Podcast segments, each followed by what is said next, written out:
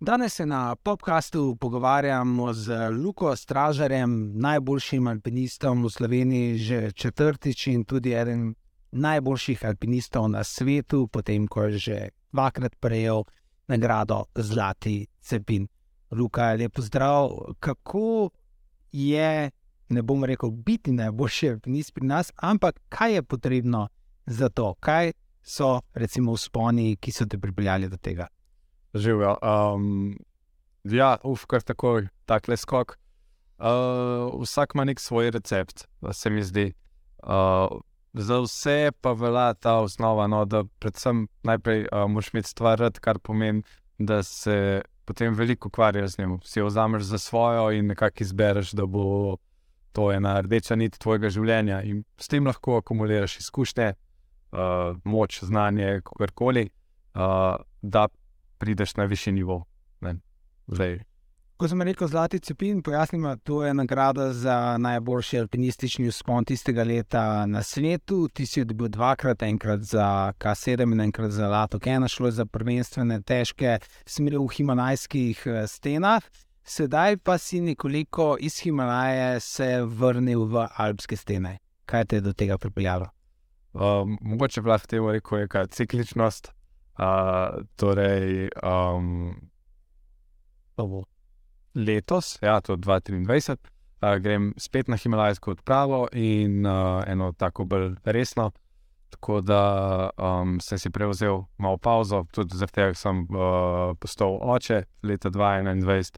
Um, tako da nekako probujem, že to ne zdaj, ampak že dalj časa nek tisti pravi ritem uh, loviti, ki pa ni samo premica na vzgor, ampak je, kot se reče, to tako krivulja.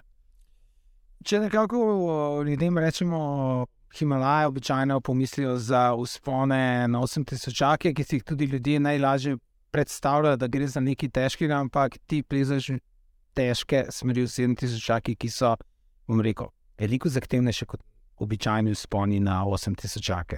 Kako bi ljudem razložil težavnost tega, kar počneš. Ja, zdaj uh, cel hec je v tem, da lahko spone na 8000 čake. Zelo hitro razložiš, pa so nam vsem, uh, tudi širši javnosti, vsem zelo blizu. Um, ampak uh, kar gre tle nekako uh, drugače, je to, da danes to niso več te 8000 čake, ki so bili včasih. Um, in s tem mislim to, da se je način usvajanja. Um, ne spremenil, ampak nekako mogoče postal lažji za vso opremo, za vso logistiko. Um, Glih tukaj pa pri nekakšnih usponih v alpskem slogu, mogoče lahko tem kaj več pol. Um, gre za to, da probaš čim več narediti sam s svojimi sposobnostmi, uh, samo tista minimalna opremati, uh, nekako pri tem pomaga. Ne? In tle je ta razlika. In potem tudi ni nujno, da je glih 8000, ki se konc koncev meter smo si ljudje sami izmislili, in nad 8000 metrov, pač čez po nesreči, pade 14 gora na tem svetu. Uh, ampak to ne pomeni, da so polne ostale, ki je dosti niže, ker še so samo za par metrov niže, pa ni nobenega tam. Pa tudi gneča, ki jih vidimo na 8000 čakih, priča o tem, da to ne more biti nek top end, če lahko na v enem dnevu največ pride 50-70 ljudi. Ja, res je, se strinjam. Še nikoli uh, ni bila na uh, stopnički za prvo mesto totalna gužva. Um, tako da tle, um, gre za nekaj podobnega, ne? torej neka zdrava pamet ti da vedeti, da mogoče je to kar dosegljivo. Včasih bolj po finančni plati ne dosegljivo, kot pa po športni. Um, in še zmeraj ne vidim zdaj kakšne hude zamere, samo um, ali da se temu reče Bob Bob ali karkoli. Um, gre tle za neko bolj dostopno uh, stvar, kot je pa bila včasih, kar še mogoče nam samo zvanja v naših glavah, ne 8000 čaki, totalno nedostopni in tako. Ampak ti trendi selitve v velike stene Himalaja, ne glede na višino hriba, so že desetletja. Kaj pa lahko rečemo, da so zdaj neki alpinistični trendi? Kaj je tisto, zdaj? Če pogledamo tebe, tudi vidimo, da kombiniranje z težkimi sponi v skali, ne samo te res velike ledne stene. Ja, sigurno. Zdaj, mogoče, če, če skočim na začetek, nazaj v 8000 čakom, ne, je zdaj uh, težko ignorirati prisotnost vsega tega ustroja, te količine ljudi na neki gori. Ne? In mogoče, če iščeš uh, način, da bi čim več naredil sam, potem to ni več čez mesto zate. Ne? Ker ne moreš ignorirati tega, da boš se stopil po, po vsem obljudeni poti, ker bo tam zate šotor. Torej, če, če že veš, da se to lahko zgodi, da boš imel to možnost. Um, je, to zdaj se grdo sliši, ampak je že tvoja ideja s tem okužena. Ne moreš imeti hriba za sebe, kar se je recimo v 70-ih, 80-ih še lahko imelo. Ne? Torej, da, da uh, zdaj ne moreš ignorirati pač vse te prisotnosti, kar potem morda naredi, vsaj ko jaz to razmišljam, 8000 čak je tudi mečkan manj privlačne. No? Uh, kot to danes je, če iščeš nekaj res uh, bolj športen ali pa v nekem alpinističnem smislu um, zahtevnejši, zahtevnejši cilj. Um, zdaj upam, da nisem komu kakšne krivice naredil, ampak samo um, to, kako je. In uh, vedno, vsaj za me, no, tako kot sem po domač povedal, gor zrasel. Je pa neka lepota v sponah, da se ga tudi tako tazga spominjaš, vedno presek neke zahtevnosti, tako fizične, kot tudi tehnične, da rabaš akumulirati dovolj znanja, da preplezaš težja mesta uh, v smeri. In uh, tukaj ti pa pol ponuja totalno paleto, od strmih skalnih sten do visokih uh, gora, kjer so tehnične težave malo manjše, ampak toliko večje nekakšne kondicijske zahteve, uh, pa mogoče malo manjše kondicijske in pa tehnično, dosta strmejše, težje stene, bliže domu. No. Tako da to je pol kar pestro, zabavno, široka paleta. Ja, ampak očitno tudi eh, dva zlata cepina za najboljši vzpon na svetu in tudi štirikrat alpinist leta dokazuje, da očitno razmišljaš v pravo smer. Ne? In da lahko morda tudi še malo namignemo, ki si že rekel, Himalaja uh, kot naslednji cilj ponovno. Kaj so zdaj neke tvoje razmišljanja, kam naprej? Uh, Kako je mogoče še dvigniti to, kar si že do zdaj dosegel? Uh, predvsem se mi zdi, da tle ne gre za kakšne uh, gigantske skoke, ker alpinizem kot šport se mi zdi, da je že dovolj star, da je nekako pripeljal, uh, smo že potipali meje človeških sposobnosti. Ne? In karkoli bi se včasih radi prepričali, da so to še gigantski skoki naprej. Jaz zelo dvomim, ampak to ne pomeni, da je igra zaradi tega, ker je slabša ne, še zmeraj gre te za, um, ne vem, gledaš hribe in vidiš tepe estetsko, res lep vrh. Uh, se ti zdi fajn, da bi stal na njemu, oziroma vidiš steno, ki še ni bila preplezana, ali pa ni bila velikrat preplezana, ali pa prosto. In bi to rad upravil. Skratka, ideja je tista, no, ki rodi potem cel ta mehanizem in treninga, priprave, in na koncu, ja, včasih tudi zelo dobrega uspona. Čeprav govorimo o alpinizmu kot šport, seveda moramo se zavedati, da to ni na nekem stadionu, kjer je zraven zdravniška skrba in kjer je morda z Ingležna še največ, kar se ti lahko zgodi, stvar je nevarna, še vedno je nevarna, oprema je boljša, vremenska bodi se boljše. Ampak na teh višinah in v teh razmerah so stvari nevarne, ljudje umirajo. In kaj vidiš ti kot nek faktor, kako lahko preživiš, kljub temu, da kot si rekel, dvig, skušaš dvigniti meje in pisati vedno teže stvari. Zdaj uh, se mi zdi, da tega faktorja nasplošno, kot širše kot družba, še nismo pogruntali, po zato ker. Um, če gledamo statistiko, pa če približam podoben, ne? ta žalostna statistika ostaja zelo podobna, pa tle ne gre samo za gore, ampak tudi kjer je. In um, nekako se mi zdi, da tukaj pa vsak sam nosi odgovornost.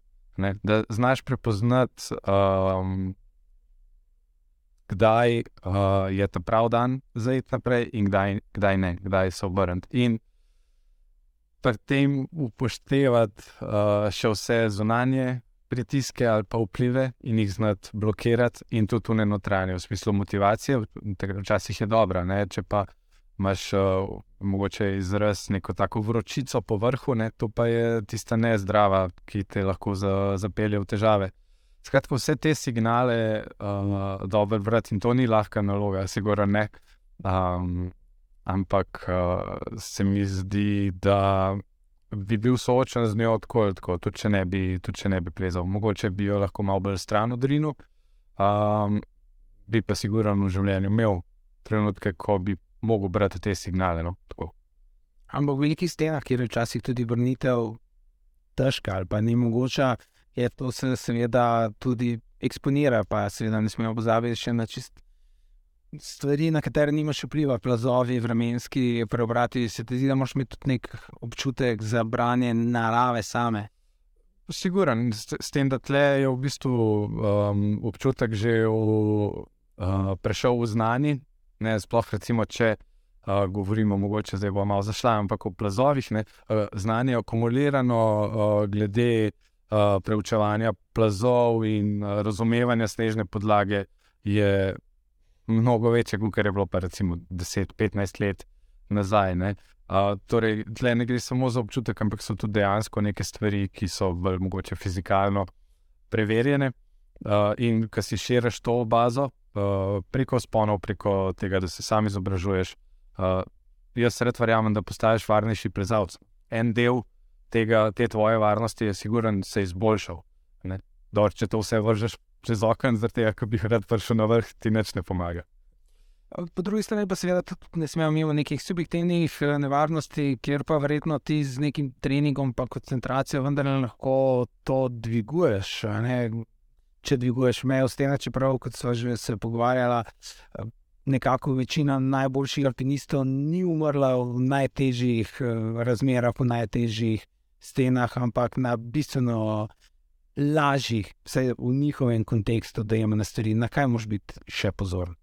Ja, siguren, gre tle za vse od poškodbe na domačih stopnicah, pa kot si rekel, ja, tudi v težkih stenah grejo, seveda, lahko stvari uh, na robe. Zdaj, um, če bi imel en tak univerzalen odgovor, pa bi bilo življenje se mi zdi čisto prelahko. Um, Moš nekako prepoznati uh, nevarnosti takrat uh, v tistem trenutku. Um, Kot se reče, so to domače stopnice ali pa res zahteven spon. Uh, trening uh, je pa gotovo ena stvar, ki ti nekako širi ta tvoj varnostni, varnostni pas. Ne? boš, ki si pripravljen, uh, več zmore telo, oziroma tudi na drugi strani več izkušenj si akumuliral, siguram, preko treninga, preko sponov. Um, in uh, ni to velik stres za te, kar pomeni, da imaš, se mi zdi, več možganske kapacitete. Proste za to, da ti kalkuliraš zdaj, uh, dejansko te uh, rizike, ki se dogajajo okrog tebe. Kako sploh treniraš? Imáš čas trenirati, oziroma ti življenje dopušča. Vemo, če pogledamo nazaj, do pred nekaj let, praktično najboljši alpinisti, nasprotno z mnogimi drugimi, tudi poprečnimi športniki, ki so bili na plačah, ste bili odvisni od vodenja, vešinski del, spravi, od dela samega, da ste ne le preživeli, ampak tudi sofinancirali odprave. A, kako je pri tebi? Kaj ti omogoča življenje in tudi same odprave? Um, ja, se mi zdi, da sem jaz dolg časa spadal v to kategorijo. ko nekako delaš eh, s to svojo um, aktivnostjo, nek minus. Um, ampak uh, zdaj sem srečal, da bo recimo zaposlitev v enoti vrhunskih športnikov pri policiji, kar se mi zdi, da se mi zelo pozna, ker poleg recimo gorskega vodništva um, lahko mnogo, mnogo več časa um, posvetim prav tem specifičnim, nekako uh, bolj pripravam in uh, treningu. Eh, tako da tle so vse stvari spremenile, no? gotovo. Ja. Ampak za celotne odprave poklice še vedno verjetno sponzorji zadaj in potem so mediji zadaj. Uh, kako ti vidiš eh, ta nek tukaj balans med tem, da se prodaš medijem, da še vedno hraniš neko svojo smer uh, in samih izbire ciljev in tudi načina, priznaj, ker mnogi alpinisti z velikimi backgroundi, reko, sponzorskimi, se včasih tudi čutijo pritisk, da morajo nekaj narediti, še posebej, če je kamera zraven. Uh, ja, sigurno, noč ni zastojen. Uh, torej, tudi tukaj je nekako taž dan. In moraš uh, paziti, da si v bistvu mogoče, da ne obljubljaš preveč, da um, imaš tisto prav občutek, da še zmeraj imaš svobodo, da jih o tem se pregovori, neki zonani pritiski, ne, da ne, ni neka želja od drugot, ki bi pritiskala na te, da greš višji, greš višji, čeprav ti drugi signali pravijo, da ne. In um, to v bistvu pa se mi zdi od karakterja vsakega posameznika odvisno. Zdaj en je bolj um, pomirjen s tem, da je v luči žarometov, drug malo manj. Ljudje se tudi spremenijo, recimo jaz sebe zdaj na tem stolu, pred desetimi leti, sigurno ne bi trpel, ne vem, bi zbežal, verjetno. Um, tako da, ja, tle um, mora vsak pogledati svojo pot. So uh, socialne mreže zdaj, ki posamezniku omogočajo, da imajo nek svoj lastni medijski prostor, stvari poenostavila ali dodatno otežujejo, ker imaš več dneva, ker moraš razmišljati o tem, ali ne, ali to lahko ignoriraš. Zelo zanimivo. Um, jaz mislim, no, da se je nekako um, samo urodja spremenila, potem posledično tudi nek domet, uh, nivoji komunikacije. Uh, ampak neke te osnovne silnice so pa enake. Pač včasih ti je verjetno kdo od prijateljev, uh, ki še na svet dal ali pa kakšno opasko, uh, danes pa to preleti v tvoj inbox pa na kanalu socialnem, uh, ker se odločiš, da si izpostavljen temu. Um, tako da pač neka ta urodja, kako informacije šibajo, so drugačna. Uh, tiste osnove, uh, so pa po moje zelo podobne, pač tako operiramo ljudje že tisočletja in še več. Ker zdaj, ko so stvari veliko bolj dostopne širši javnosti, pa širšim ljudem, ki prej niso bili v hribi, sploh niso videli, kje so lokacije, kje so nekakšni vrhovi, se mi zdi, da s tem bombardiranjem uh, tudi vse več ljudi ne le odhaja v hribe, ampak prehaja iz nekih običajnih planincev v že skoraj alpiniste, podobno turni smočari, smočajo alpinistične smeri. Imáš tudi ti ta vpliv, da tukaj stvari gredo navzgor, kar mogoče spomni slabo, ker pač pomeni, da peče alpinistična baza nekoč. Ali se ti zdi, da je to narobe, ker brez primerne prave izobrazbe gorniške ljudi mogoče zahajajo stvari, ki se jih ne da bi videli na Instagramu, ne bi lotili. Um, ja, ta, ta moment je siguren, zanimiv. Ne? Tega res prej um, ni bilo, torej neke hitrosti širjenja informacij, v res širok krog ljudi. Uh, torej, uh, lahko zelo točkovno uh, neka gora ali pa neka smer ali pa samo en delček smeri postane totalno oblegan uh, zaradi te informacije, ki se razširi in tja pride marsikdo. Uh, Tisti, ki zares uh, je totalno presegel svoje meje, bo imel tam velike težave, gotovo. Um, zdaj, je, ja, v tem primeru go, govorimo o problemu. Um, tega, ker je pač uh, povečana neka nevarnost. Ampak, um, da pa bi se splošen nivo alpinizma uh, zaradi tega dvignil, se mi zdi pa, da ne. Ker um, še zmeri, mogoče sem jaz zdaj uprl nazaj na en stavek, ki sem ga že rekel, ampak da ti dejansko res veliko časa preživiš, gradiš svoje znanje, svoje izkušnje, sposobnosti, tako ti greš naprej. Ne? Če ti samo slediš informacijam, ki pridejo zunaj, pa se greš pofočkati na vsako od teh sicer za tisti trenutek slavnih točk. Pa celokupno ne preživiš toliko več časa v hribih, ne? ja, mogoče je vse bolj lepo, bolj všečkano, ampak nivo alpinizma tvoj pa bi rekel, da se ne dvigne. Ne. Torej, še zmeraj ni bližnjic. Tista osnova, da ti uh, to izbereš za svojo dejavnost in temu posvetiš uh, življenje, je še zmeraj, ne moš premakati. Kaj pa konkretno mogoče ti vidiš pri, kot vodnik pri svojih klientih? Je tu neka sprememba v zadnjih letih? Vemo, da še 20 let nazaj, 30 let, v hribih so bili tisti, ki so bili v hribih skoraj nihče v Sloveniji ni najel nekoga, da bi ga pelal v hribe. Jasno, zunaj je bila ta praksa že od nekdaj, ampak kako ti kot vodnik vidiš mogoče tudi spremembe na tem področju? Spremembe so um, in um, so take, v bistvu ne tako mehne. Um, jaz, recimo, lahko rečem, da imam to srečo, da lahko tudi takrat, ko vodim uh, upravljam v bistvu take spone, ki so zelo zahtevni, kar pomeni, da uh, služijo kot res dober trening.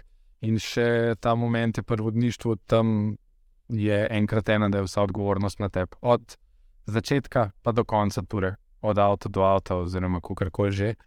In je tukaj nek trening za glavo, trening odločanja, um, res zelo prisoten. No. Uh, tako da uh, tudi mogoče, če kakšno svojo turo spustim zaradi vodenja, je to dosti manjši minus, oziroma včasih za neke stvari celo plus. Polk plezaš z enim, ki je uh, enako praven, kar malo težko spustiš, pa rečeš, da ja, je ok, no vse, zdaj, zdaj pa ti, bom jaz le v zadnji, te pa kar ti, ker si navaden, um, nekako biti motor. Se to, kako recimo pri spolnih težkih zbiraš, v bistvu so plezalca. Če, če se še dotaknemo, kako izbiraš, in potem je verjetno težava, če kakšno resnejšo turo mogo da greš z nekom, ki pa ni na istem nivoju kot ti, ali ne greš pa do te meje. Oziroma, ali si tako dober, da je tudi ta meja za te še vedno tako nizka. Um, ma, zgodi se vse, sigurno, vse ni tako, da bi jaz pa vse stvari, ki se jih lotim, uh, splezal, a pa v prvem poskusu, da bi uspele. Uh, vse zato je pa tudi zabaven. In uh, so plezalci del te zgodbe. Torej, ja, včasih um, je imel nekdo slab dan ali kar koli, pa zaradi tega ni šlo, včasih sem imel slab dan, pa, pa ni šlo. In uh, generalno gledano, no, pa se mi zdi, da sem mogoče tudi zato, ker je Slovenija mehna, pa je veliko uh, osebnega kontakta, uh, nekako sem obdan. Se mi zdi, da z dost so plezalci, ki so na nekem nivoju, ki lahko kot enako vredna naveza upravljamo v spomenu. Če narediš korak naprej, zdaj smo pač v vodenju, pa alpinizmu na tem nivoju, kot najboljši alpinist, to v Sloveniji, ponovno, kaj je tvoje mnenje, kam gre, recimo, v Sloveniji alpinizem, gre v pravo smer, kaj se ti zdi, da bi, kam bi še bilo mogoče stopiti korak naprej ali pa splezati korak naprej. Um, ja, za razvoj alpinizma um, je mogoče en tak moment zanimiv, da uh, tako kot pri kakšnih dietah mogoče zdaj staro postane spet novo. Torej, tisto, kar so uh, starejše generacije vedle, pa se tekom časa malo zgubi, da pobrskamo po arhivih in uh, spet najdemo nekaj koščka, ki smo ga opustili. V bistvu, no? tako, tako da, tle, recimo, če se navežem prej na neke te um, socialne medije, ne? pa uh, res točkovno izbiro nekih ciljev, ki so takrat najbolj primerni, ne? s tem zgubiš širino in takrat, ko pa stvari niso super, uh, v dobrih pogojih ali pa karkoli, te zmanjka.